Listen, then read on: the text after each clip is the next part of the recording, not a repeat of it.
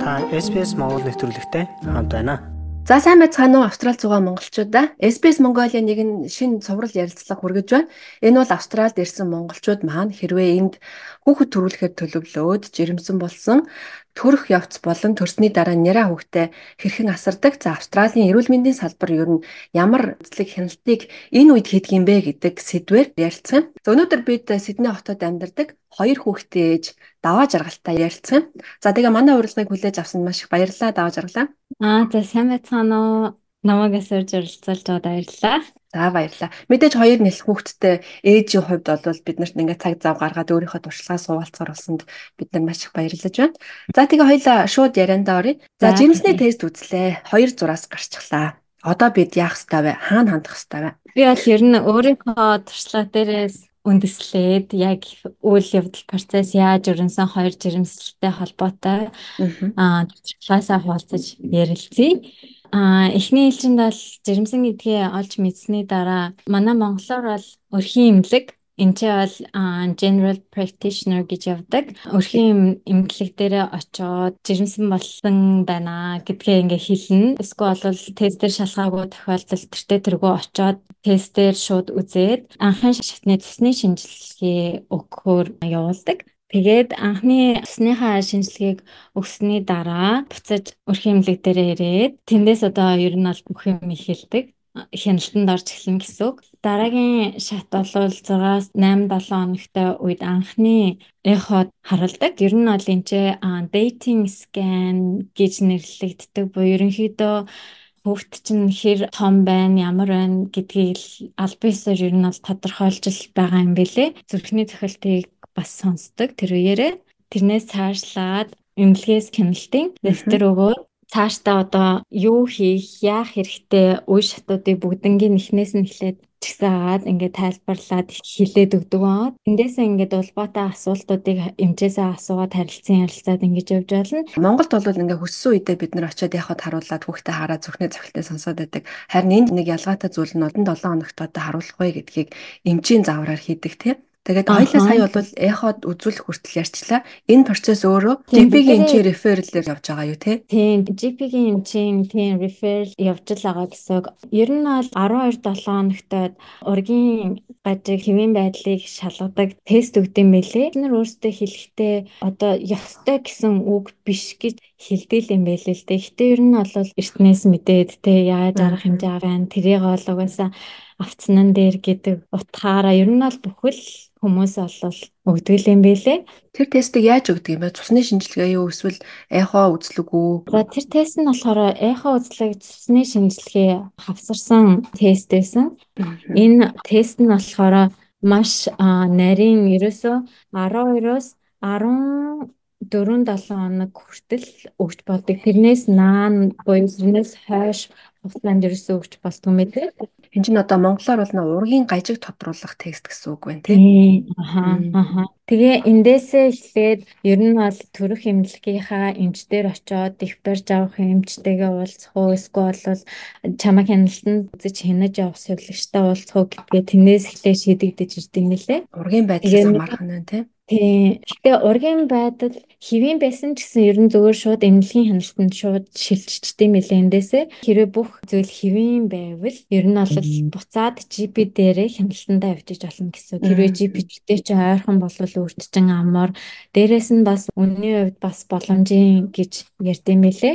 Энэ тестийг хийлгэхэд даталаас буцаалт авдаггүй билүү? Тийм. Энэ тест ер нь бол тухайн даталаас хамаарат Миний харьяалагдчихсан даталаас бол бас cover хийж байгаагүй.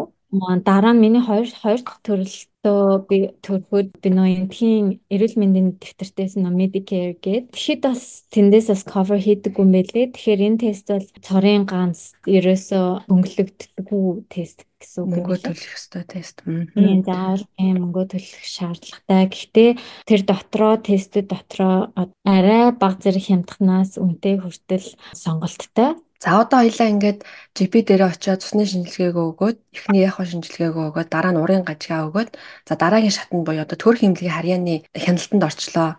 За энэ үед одоо ямар үйлчлэгүүд байх вэ? Бид нар юун дээр анхаарах хэрэгтэй вэ? Одоо 12-оос дээш 7 хоногтой болчлаа гэсэн үг байна тий. Тийм. За одоо эндээсээ эхлээд эмчигээ харах удамжийн ерөнхийдөө арай холдож эхэлдэг. Арай сүүл нөө дөхөх хүртэл гэсэн сарын дараа ч юм уу 6 7 хоногийн дараа ч юм уу тэгэж байхаар ингэж явдаг юм бэлээ. Арай холцоо бүх зүйл хэвэн бэл аа хэрвээ хэвэн биш өөрт чинь ямар нэг асуудал байвал тэрнээс мэдээж урьдчилаад өөрөө холбогдож болно. 27 7 оноос хойш ингээд төр хэмлэг дээр хяналтанд очсон. Тэр үед ер нь ямар процесс, ямар үйлчлэгүүд байдаг вэ?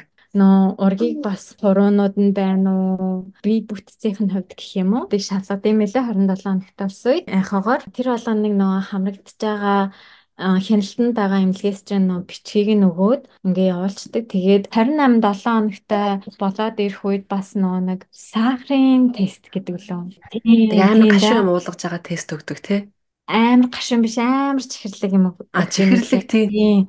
Тэгээ тэр тест болохоос нөө жирэмсэн хүн бол хэр баргийн хүмүүст болоогоос хэцүү тест хамгийн хэцүү тест. Цусны шинжилгээ авдаг те тэрийг уулгачаа дараа.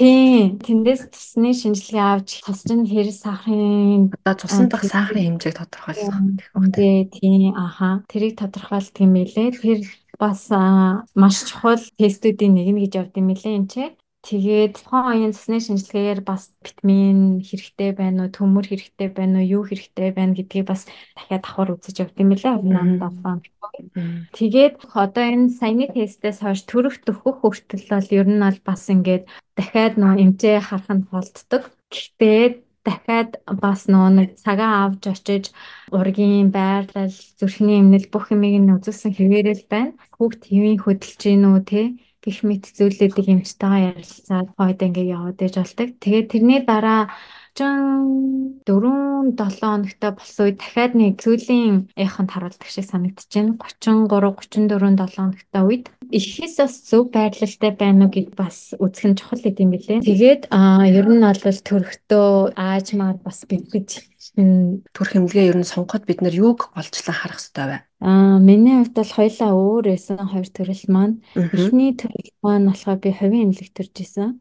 Тэгээд даатгалтай байсан. Хоёр дахь төрөлд маань болохоор би улсын эмнэлэг төрж исэн. Тухайн үед нөгөө нэг Австралийн эрүүл мэндийн дэвтэртэй медикертэй болсон байсан. Эхний төрөлдөр хувийн эмнэлэгт төрж явахт бол ер нь албан даталаас хамаарат ямар эмнэлэгтэй гэрээтэй байна гэдгээсээ шалтгаалаад хөнгөлөлт өгдөм билээ. Тэгээд тухайн үед миний даатгалж исэн даатгал төрж исэн эмнэлэгтэй маань гэрээтэй байсан учраас 100% coverж исэн. Тэгээ ер нь гуйгаар болвол хувийн эмнэлэг бол ер нь хүнтэй гэдэг гэж тооцдог. Өнөөдрийн ханшаарал би орж харсан чинь хамгийн зөвөр доод үнэ нь бол 2 хоногтоо 4200 гэж хэлдэм билээ. Тэгээд тухайн үед бол хамт 5 хонжсэн имлэгтэй. Тэгээд бүгдийг нь бол датаглаас coverлж байсан. Тэгээд өөрөө сонгоод шууд хандах уу эсвэл mid wifi-аар дамжуулаад ханддаг уу? Өөрөө ерөөсөө энэ хэрвээ ямар нэг эмнэлгийг дээр гэж үзчихвэл мэдээж өөрөө сонгож болно. Тэрнээс гадна хамгийн нөгөө нэг илүү авч үзэх хэрэгтэй юм бол гэрээс хэр хол байна гэдэг юм байлээ бас. Яагаад гэвэл нөгөө нэг төрөх болцсон үед бол хамгийн хурднаар очиод те юу хахад бол их цаг зав өрөхгүйгээр аль имлэг хамгийн шулуун дартан байна гэдэг бас авч үзэх аягүй чухал юм байлээ. Тэр нь Тэрнээс гадна би эмчээс асууж исэн л та ер нь ямар ялгаатай байдаг вэ? Яаж сонгол зүгээр байд юм бэ гэхээр манай эмч маань төрж исэн эмэгтэйний хувьд хэлэхэд бүх эмнэлгийн стандарт адилхан байдаг аа. Гэхдээ очиж байгаа эмч ямар байна вэ? Эмчтэйгээ ямар харьцаатай байна вэ гэдэг айгүй чухал гэж надад хэлжсэн. Тэрийг бол ер нь бол хоёр төрсний дараа бас яг олж харсан уу?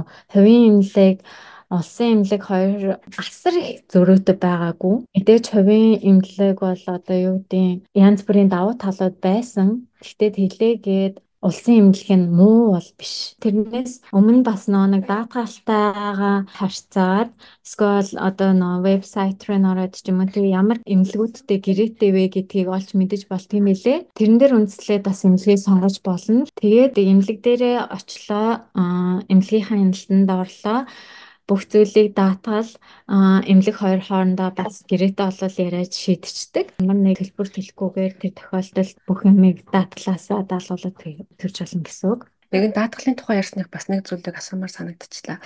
Анх даатгалаа хийлгэснээс хойш нэг жилийн дараагаар яг энэ төрөлт жирэмслэлтэй холбоотой зардлуудыг одоо хувийн даатгалаас яг төл одоо cover хийх боломжтой болдог тий тэр талаар бас өөр чи мэдээлэл байна уу? Намайг төрж явахад бол бас яг тийм шаардлагатай байсан нэг жил басны дараа гэж. За ингээд төрөх хугацаа боллоо гэж үзье. Өвдөлт ихсэн үед яг эмнэлэгдэр дээр өөрөө явж очих хэвээр юу тий? Тийм, ер нь бол эхний төрөл маань болохоор нөгөө нэг хүүхдийн маань хүрээлж нь их бага хэмжээтэй байна гэд. Тэгээд тийм учраас нөгөө нэг сэдэлтэр төрөх болоод тийм тохиолдолд сэдэлтэр төрөх эсвэл а одоо нөө хагацаагаар төрөх тохиолдолд цаг аваад яг товлсон өдөрт төрнө гэсэн үг. Тэрнээс бусдаар яг цаанаасаа цаг нь болоод өвдөд юу явах чаа төрөлтөнд бол ер нь бол өөртөө явж очт юм лээ. Хоёр дахь төрөлт маань яг тийм байсан. Эхлээд нөө очихоос өмнө эмнэлэг рүү залгах хэрэгтэй. За ингээд эмнэлэг дээр төрөх төхөд очлоо. Төрөх явцад яаж өрнсөн бэ? Чи өөр өөрө төрсөн үү? дөгдөлт намдаах им тариа хэрэгэлдэг те тэндээс ямар сонголт санал болгосон бэ чи алийг хэрэгэлсэн бэ ер нь бол өвдөд эхлэхэд санал болгодог зүйлүүд нь тийм өвчин намдаагчтай тийм үлээдэг юм байт юм лээ газ гэж нэрлэдэг тийм газ гэж нэрлэдэг тийм. Апесны нэрийг нь хадаа сайн мэдэхгүй байна. Тэгээ хоёр дахь нь бол epidural буюу нөө мэдээ алтуулалт гэсэн үг. Ер нь бол тийм нус руу идэг байгаа тэгээ яг аа яг нөө нэг эцээ хүртэл бол яг тухайн хувь хүний сонголт бид юм билээ. Хойлон дээр нь бол мэдээ алдуулалтаа төрж исэн хойлон дээр нь. Тэгээд эхнийх дээр нь бол угаасаа нөгөө нэг тухайн энэ төрөлтийн байдлаас хамаараад тэгээд шаардлагатай гэж үзээд тэгжсэн байгаа.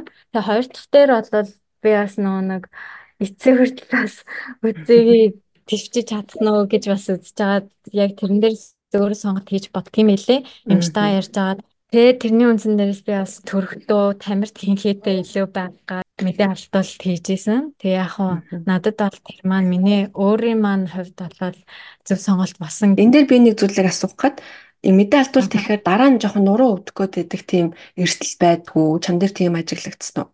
Тэр ерөөсөө тийм нэг ч ажиглагдаагүй. Аа эхлээд хийхдээ хэлж өгдөм байлээ маш бага хувийн эрсдэл байдаг юм лээ. Тэр бол тэгээ одоохондоо надад бол тэр ерөөсөө тийм зүйл илрээг байгаа. За миний асууж амжаагүй бас хүмүүст яг ингээд одоо жирэмсэн байгаа ээжүүдэд хэлж зөвлөх зүйл үлдсэн болов? Ер нь бол жирэмсэн байх хугацаанд болон төрсний дараах хугацаанд угаасаа нэг эмэгтэй хүмүүс тэлцэн хувьд ч тэр асар нөгөө нэг өөрчлөлт өгдөг. Тэр бүх хугацаанд ер нь бол А хэрвээ одоо юу гэдэг нь тусламж хэрэгтэй болвол тэг нэрэл хэлгүй энэ маш сайн тэр тусламжуудыг өгдөг. Тэгэхээр тэр тал дээр айгүй сайн судалж орж уншаад ярахтаа яриад ингээд өөртөө амар сайн хайртайгаараа анхаарал тавиарай гэж хэлмээр энэ та гэж.